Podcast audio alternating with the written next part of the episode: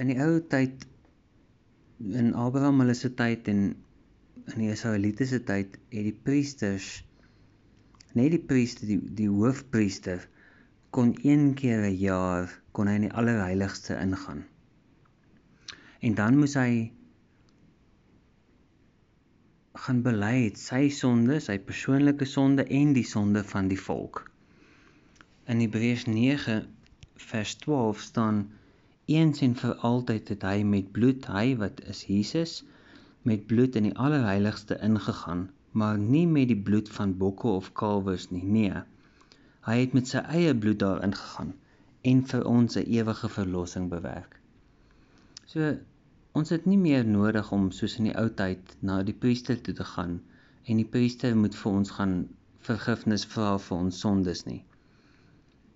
Jesus het dit gedoen aan die kruis. Ons kan na hom toe gaan direk. Hy is die enigste weg na die Vader toe. Hy het gesterf vir ons aan die kruis vir ons sondes. En ons moet dit besef. Ons moet besef dat ons kan net na Jesus toe gaan. Ons kan enige plek, daar waar ook al jy sit op hierdie stadium, kan jy vir hom sê, Here, vergewe my vir dit wat ek gedoen het.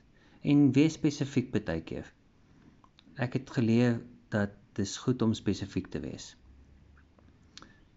Wees spesifiek en sê vir hom, Here, vergewe my vir vir hierdie spesifieke sonde, dit wat ek doen.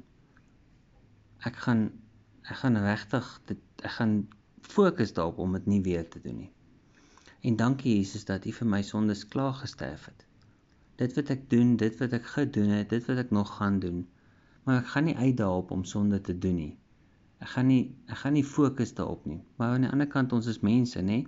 Paulus sê dit wat ek wil doen, dit doen ek nie. Maar dit wat ek nie wil doen nie, dit doen ek. Hou hierin gedagte dat Jesus het gegaan, hy is hy is hoofpriester vir altyd. Hy in die al hy in die allerheiligste ingegaan. Nie op aarde in die tempel nie, maar by God het hy ingegaan en hy het sy lewe neergelê vir ons, vir my en vir jou sodat ons mag lewe. Kom ons bid saam. Here Jesus, baie dankie vir dit wat U vir my doen. Dankie vir die feit dat U gesterf het, dat U bloed gevloei het vir my dat ek mag lewe. Dankie dat ek hoop kan hê as gevolg van dit wat U gedoen het. Here, ek wil bid vir vir mense wat in lockdown is wat wat die gevolge van lockdown ervaar. Mense wat werke verloor, mense wat sukkel finansiëel. Wees met hulle, wys hulle vir ons dat ons kan help waar ons kan. Dankie dat jy goed is vir ons. Dankie dat ons u guns ervaar. Ek loof en ek prys u naam. Amen. Vrede vir julle.